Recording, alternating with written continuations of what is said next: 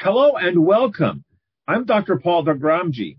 On behalf of CME Outfitters, I'd like to welcome you and thank you for joining us for today's CMEO briefcase entitled More Than Just Sleepiness, Impact of EDS in Patients with OSA. Today's program is sponsored by an educational grant from Axsome Therapeutics. I'm a senior family physician at Collegeville Family Practice and medical director at Ursinus College in Collegeville, Pennsylvania. We're excited to speak to you today, so let's go over our learning objective. Our learning objective for today is to identify the quality of life impact of persistent EDS, excessive daytime sleepiness, in patients with OSA, obstructive sleep apnea, including those who are CPAP adherents. Uh, that's continuous positive airway pressure. To start our activity, let's meet our patient, Hector. Hello, Hector. How are you today? Hi, Dr. D. Yes, I'm doing okay. I think CPAP uh, has been working for me since the last time we saw each other. Mm-hmm. I still find myself uh, hmm, being tired and in a daze during the day. I'm sorry to hear you aren't feeling great, Hector, but I'm glad you have some improvement with your CPAP. Uh, I know last time I saw you, you were about three months into the CPAP therapy, and there was, and you were still struggling at that time. Could you tell me what's changed since then? Sure. You know, at three months, I was still struggling with the equipment and getting used to sleeping with a mask on my face. I wasn't sleeping more than three or four hours with it on because, well, I take it off in my sleep and I wasn't feeling much better. I was still really sleepy during the day and wow, it was like my head was in the clouds. But now I can sleep about six hours with it on now I feel more rested during the day and I can think a little clearer. I don't feel as worried that I would cause an accident at work anymore. And that's been nice. It's not perfect, but it's somewhat better. Well, I'm glad you have some improvement in your sleep. And we definitely want you to get into to the point where you feel good and you're especially not worried about your workplace accidents anymore. You said that even though you've had some improvements, you still are feeling tired. Now, could you tell me more about that experience that you're having? What does that experience feel like, that tiredness? It's been five months on CPAP now, and I was hoping I would feel better by now, but I still feel sleepy during the day it's not as bad as it was before. And huh, it's been great feeling somewhat better after being so tired for so many years, but I still find myself dozing off at work. Hmm.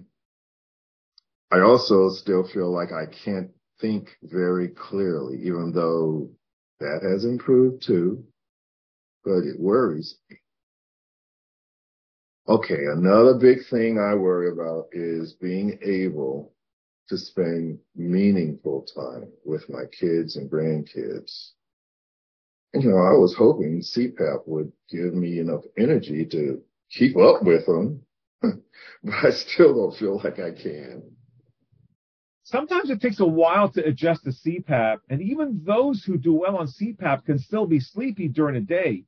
But over time, with CPAP, and perhaps with the use of certain medications, we can improve the sleepiness and cognitive issues you've been having. So let's talk about a game plan. Sounds great to me. So Hector is a 51 year old black male with severe obstructive sleep apnea initiated on CPAP five months ago. It's caused workplace damage while operating heavy machinery at his work. At baseline, experienced heavy snoring, awakening four to five times a night with shortness of breath, cognitive impairment during the day that has worsened over the years. He's experienced some relief with CPAP, with improved focus at work, but he still complains of sleepiness during the day. His past history is significant for obesity, hypertension, and reflux. At baseline, his apnea hypopnea index puts him at the severe level with 41 episodes per hour. But with CPAP, this has diminished greatly down to an AHI of 6. His BMI is 33, which puts him in the obese category. His ESS, Epworth Sleepiness Scale, is at 13, which is still abnormal. And his functional outcome of sleep questionnaire, his FOSQ, is also abnormal at 14. His blood pressure is just borderline at 138 over 86. Now let's talk a little bit about obstructive sleep apnea. We all know that basically what this is, is an obstruction of the airway that occurs during sleep.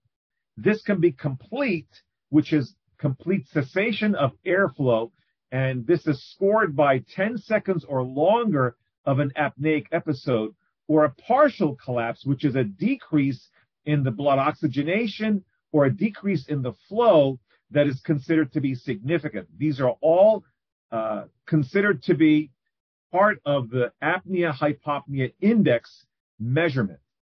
This is characterized by intermittent hypoxia, where the oxygen saturation level does go down. Patients will complain of choking or gasping during sleep, but their bed partners will complain of them as being loud snorers. And this can be very loud, heard across the entire household in some cases. As a result of this, sleep becomes fragmented and it is non-restorative. And what that means is that the patient feels as if they haven't slept well. That feeling can occur first thing in the morning when they get up, or it can occur at various times throughout the day. This feeling like they're tired. Uh, sometimes patients will say to you they're that way all throughout the day, or sometimes they say it will hit me in the early afternoon or late afternoon or just when I get home at night, I feel like I'm exhausted. So the non-restorative sleep feeling can occur at any time. And this is excessive daytime sleepiness. Okay, this is where patients feel like they are drowsy. Uh, what's drowsiness? Well, you all know what drowsy is. It's the feeling you get right before you want to go to sleep. Let's say your bedtime is around 11 o'clock or so. You're getting drowsy at that time.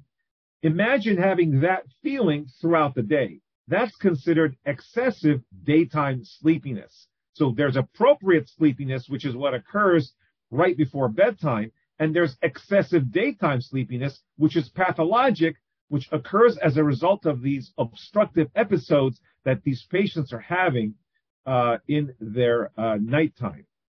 The prevalence and demographics of OSA may be surprising to you. There have been a lot of studies that have been done. One done many years ago suggested that one out of 10 women um, and one out of four men have obstructive sleep apnea. But currently, we think that between 25 and 30 percent of men have obstructive sleep apnea, and 9 to 17 percent of women have obstructive sleep apnea.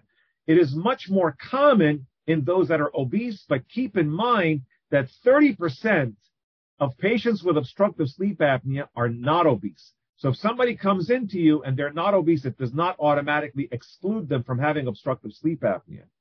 It is more common in certain ethnicities, including Hispanics, blacks, and Asian populations.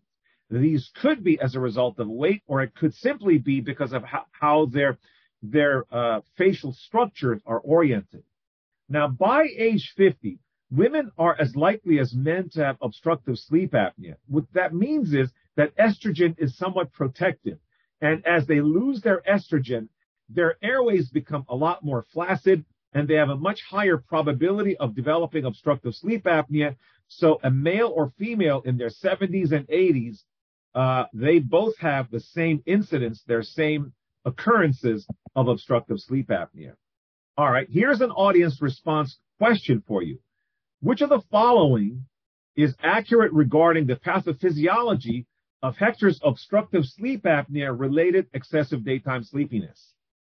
The primary driver of OSA related EDS is neuronal damage in wake promoting areas of the brain. That's the correct answer. And if you take a look at the pathophysiology of excessive daytime sleepiness and sleep apnea, we see two sides of it. We see on the left side intermittent hypoxia. These patients have hypoxia that's occurring all through the night. And this isn't just occurring now and then. It's occurring every night for weeks and months and years on end. And as a result of this, there's oxidative injury, which has actually been proven in laboratory testing. There's oxidative injury and injury and degeneration of dopaminergic and noradrenergic neurons in the VPG and LC. The, the, the VPG is the ventral periaqueductal gray area, and the LC is the locus ceruleus. Very important areas in keeping you awake. So there is oxidative injury that occurs as a result of intermittent hypoxia. But on the right hand side there, as a result of sleep fragmentation, there can be injury and degeneration of noradrenergic and oxidative neurons as well in the locus ceruleus.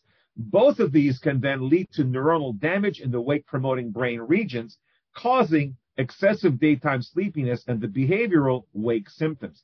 So this is a very important thing to remember and to tell your patients that as a result of obstructive sleep apnea, there may be permanent neurologic damage that can only necessarily be improved possibly by medication. And it's also very important when you're talking to your patients about obstructive sleep apnea, when you first see them for it, to tell them that if they don't get treatment for it, they may be looking for these problems occurring that you don't want them to occur, this intermittent hypoxia and sleep fragmentation. Now, there are some personal impacts of excessive daytime sleepiness. Patients with EDS are much more likely to feel depressed we have data on this that shows that patients with depression are much more likely to have obstructive sleep apnea.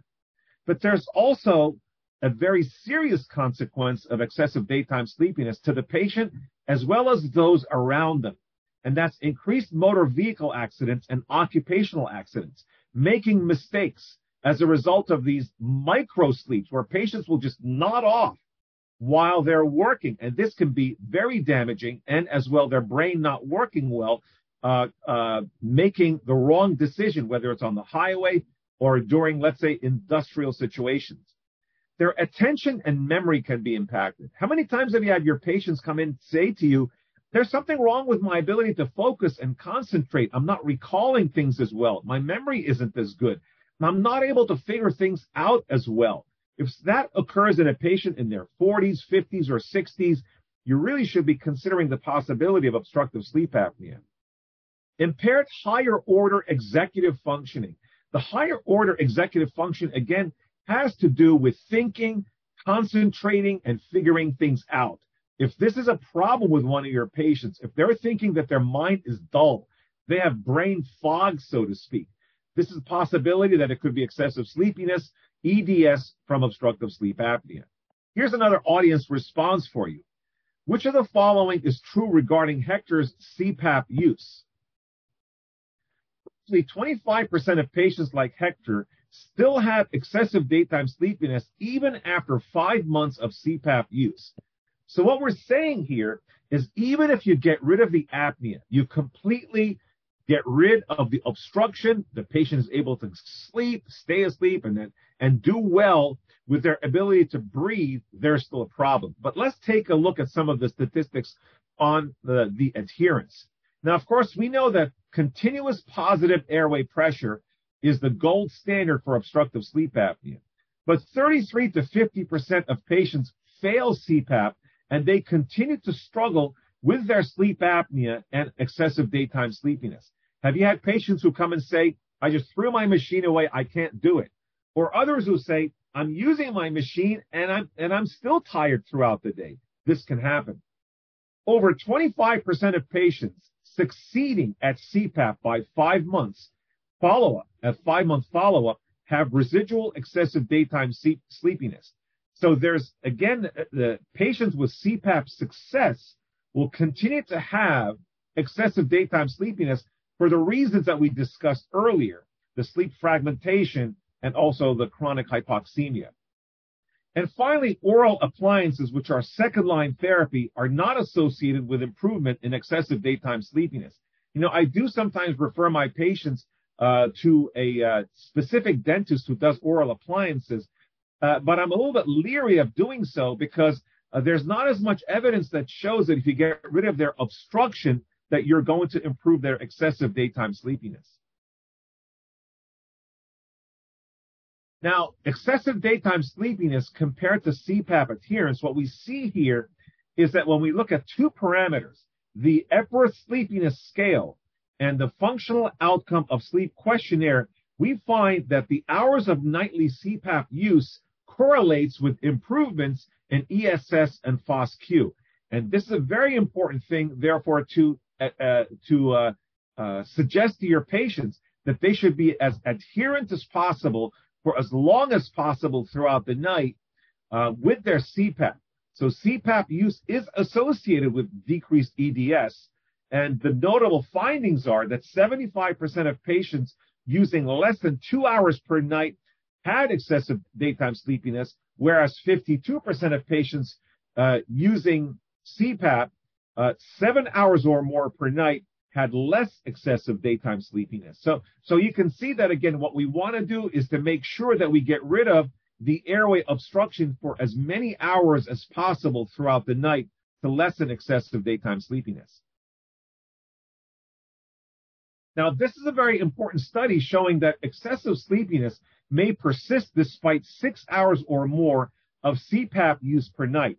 Now, this is a multi-center, a multi-center trial with 128 patients with an AHI in the moderate to severe range at 15 and above, with obstructive sleep apnea treated with CPAP for three months or longer and assessed for sleepiness before and after airway treatment using the three parameters, the Epworth Sleepiness Scale, the Functional Outcome of Sleep Questionnaire, and the MSLT, which is the Multiple Sleep Latency Score, the latency test. The ESS we know about, it's an uh, eight point question that we ask our patients about how drowsy they are. It's a subjective test. The MSLT is an objective test where we put patients into a, a room and we tell them to, to try to fall asleep over a 20 minute period of time. And this is done at four time intervals throughout the day. And we find out the degree objectively of their sleepiness. And the functional outcome of sleep questionnaire, the FOSQ, uh, talks about their level of of, uh, of improvement in their sleep as they're occurring throughout the day. And what we find here is that 22% of patients who are using CPAP adequately for three months or longer continue to have abnormal Epworth sleepiness scale. So one out of five will continue to have abnormal ESS. One out of two will continue to have an abnormal MSLT, and one out of three will continue to have an abnormal FOSQ. So even if patients are using their CPAP as adequately as they possibly can, and in this case, um, they're using it for three months or longer, and using their their uh, uh, CPAP for six hours or longer, they continue to have excessive daytime sleepiness as measured by these three different parameters. Now, in a survey of health-related quality of life, the uh, HRQOL, of patients with excessive daytime sleepiness and obstructive sleep apnea, let's take a look at this. This was a survey that was done, um, which included patients with obstructive sleep apnea with excessive daytime sleepiness, and those are patients in dark blue, compared to those with obstructive sleep apnea without excessive daytime sleepiness, and those are the bar graphs in gray and compared with non-obstructive sleep apnea patients.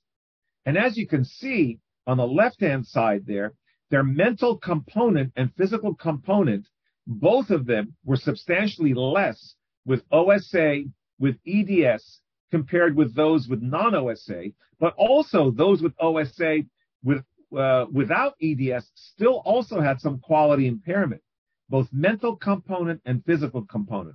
So clearly, obstructive sleep apnea, whether you do or don't have excessive daytime sleepiness, will affect your quality of life, but not as much if you don't have excessive daytime sleepiness.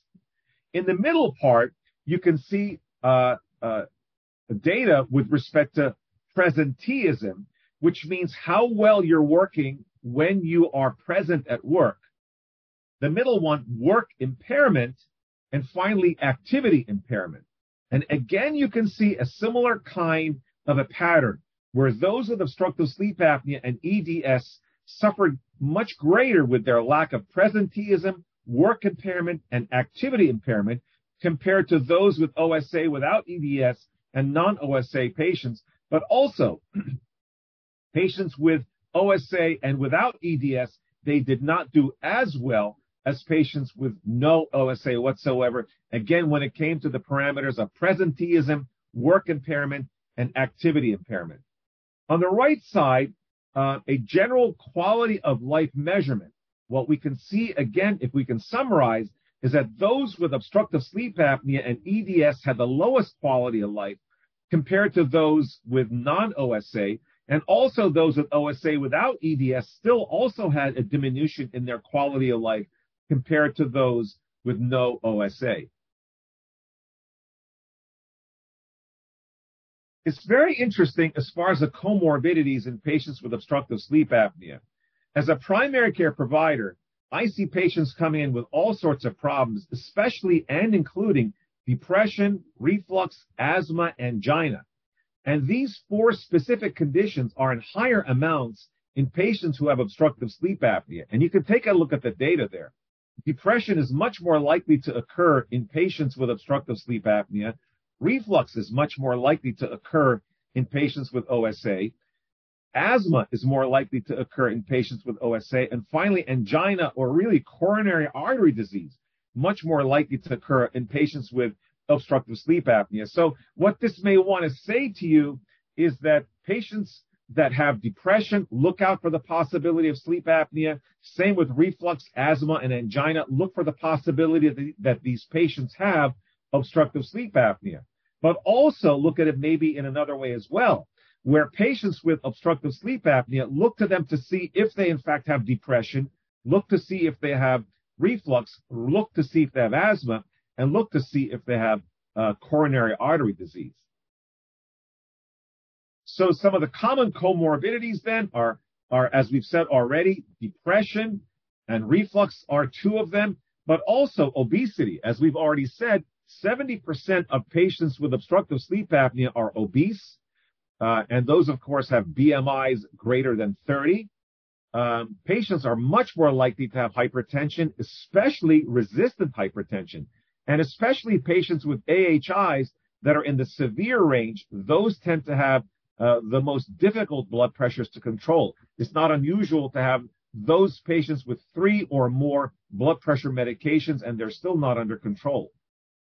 We also have type 2 diabetes in these patients. They're more likely to occur. So the multi-morbidity and overall comorbidity of sleep apnea in a, in a Finnish study showed that 63% of patients with OSA were multimorbid versus 38% of the general population and 34% of patients with OSA had four or more comorbidities versus 14% of the general population. Simply put, you're going to see these patients much more commonly in your office, so you have ample opportunity to diagnose sleep apnea if they, if you have these patients with these comorbidities, ample opportunity to di- diagnose them and treat them properly. So let's take the patient case Hector, who's a 51 year old Hispanic male. We talked about this with severe sleep apnea. Now he's been on CPAP, doing very well on it for five months, but he's still having some quality of life issues. What can we do about that?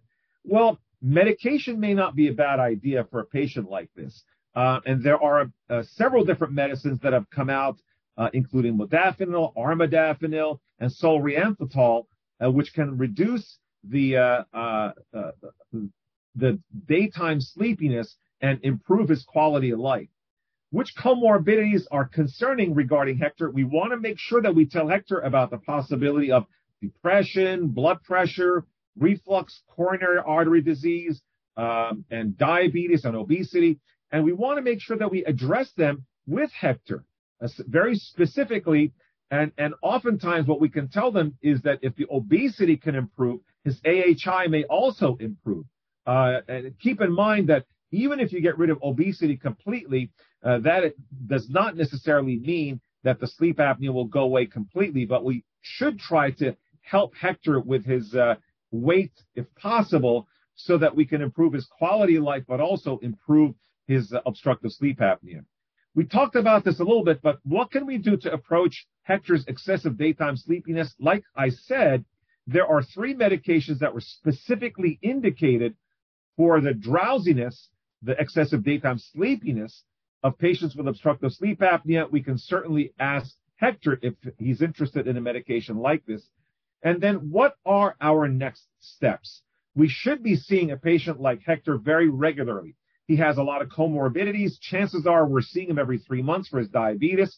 And every time he comes in, we should be asking him about his daytime sleepiness. Perhaps what we're doing is asking him general questions about how do you feel throughout the day? How is your mind working? How is your ability to focus and concentrate? And how is your energy level? But maybe also do an Epworth sleepiness scale on Hector every time he comes in to see if there's something we can do if he still has any deficiencies in those categories.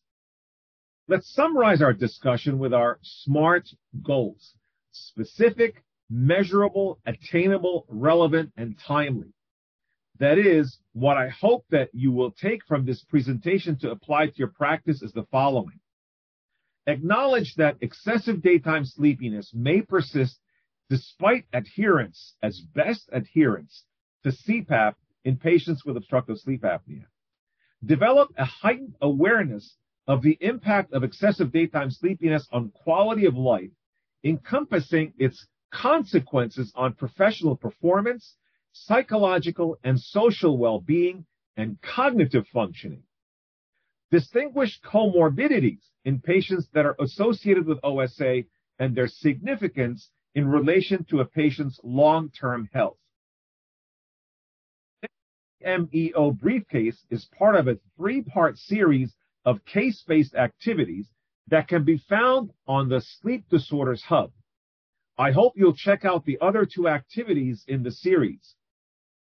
The Sleep Disorders Hub has these activities and many others on obstructive sleep apnea, excessive daytime sleepiness, idiopathic hypersomnia, narcolepsy, and more. Thank you for joining me today.